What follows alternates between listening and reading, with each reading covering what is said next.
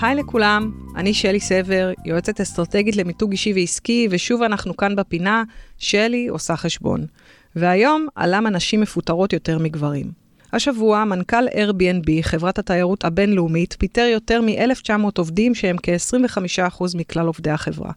במכתב הפיטורין המרגש שפורסם בכל הרשתות החברתיות, הוא התנצל ברגישות והסביר שהעובדים לא אשמים, שאין לו ברירה. הוא הבטיח שהחברה תקצה מיליונים על מנת להמשיך לשלם לכל העובדים משכורת במשך 14 שבועות לפחות.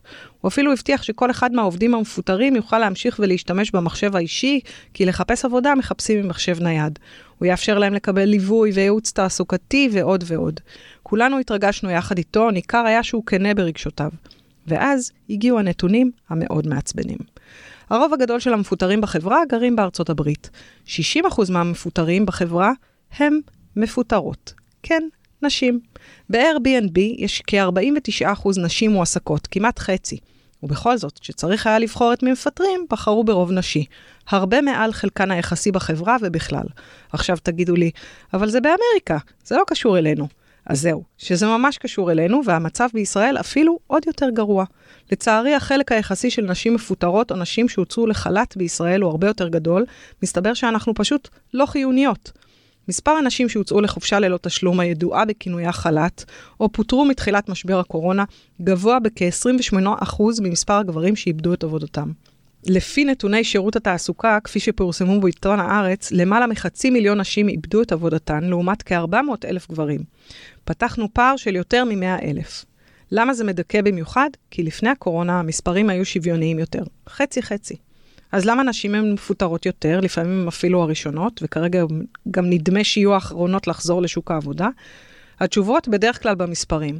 רוב הנשים עובדות במקצועות טיפול, הוראה, אדמיניסטרציה, ובעבודות האלה משלמים פחות. אפשר להסתדר בלי פקידה שתענה לטלפון, אבל קצת יותר קשה להסתדר בלי המנהל. אין מספיק נשים בתפקידים בכירים, וכשמקימים ועדה שתפקידה לתכנן את היציאה מהמשבר, אז למקבלי ההחלטות זה נראה מאוד סביר שאין צורך בנשים.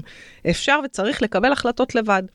מאיר בן שבת, ראש המועצה הלאומית לביטחון לאומי שהתכנסה על מנת לדון במשבר הקורונה, דחה על הסף את הדרישה של ארגוני הנשים לכלול נציגות משמעותית של נשים בוועדה. אתם חושבים שחסרות לנו נשים חכמות, מומחיות, דוקטוריות? התשובה היא לא, לא חסרות, אבל נעדרות. במדינת ישראל נשים פשוט לא נלקחות בחשבון. המסר הוא, את המשברים והמלחמות תשאירו לנו הגברים.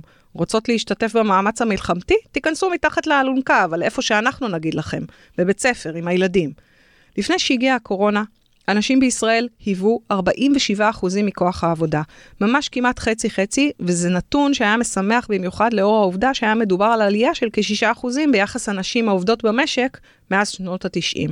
עשינו דרך. פערי השכר קצת צומצמו, וכן, אחי הקטן המשתייך לדור המילניאלס הוא זה שנשאר בבית עם הילדה כששוב אין גן, כי אשתו היא רופאה מתמחה. ויש עוד בתים שאני בטוחה שבהם אמא הולכת עכשיו לעבודה כי היא מרוויחה יותר מאבא, ואבא נשאר בבית. אבל זה בכלל לא קשור למה שקורה אצלכם בבית, זה מערכתי. אנחנו מהוות 51% מהאוכלוסייה, ובכל זאת, כשצריך לתכנן, לקבל החלטות, להוביל, ברגע הכי קשה בתולדות המדינה, פשוט לא סופרים אותנו.